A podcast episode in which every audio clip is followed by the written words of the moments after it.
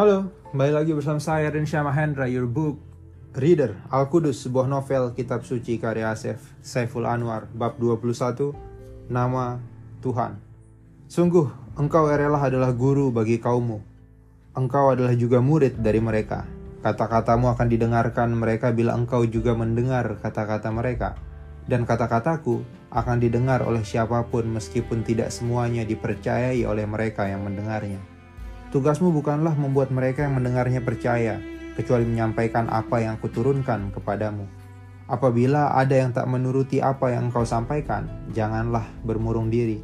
Dan tak perlu pula engkau meminta ampun kepadaku sebab aku tiada mengampuni siapa pun yang tak berbuat salah. Sungguh, bila telah sampai kepada mereka apa yang diturunkannya kepadamu, tugasmu telah selesai. Sampaikanlah apa yang kami turunkan kepadamu dan biarkan mereka yang mendengar dan menyaksikannya yang memutuskan apakah akan mengimanimu sebagai rasul dan menyembahku sebagai Tuhan mereka.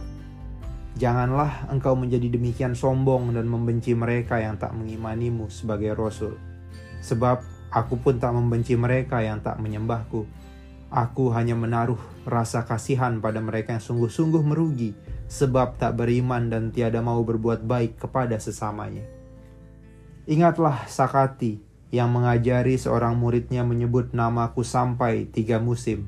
Diulanginya namaku seribu kali setiap hari selama tiga musim. Namun, tiada sekalipun sang murid mampu menyebut namaku dengan baik.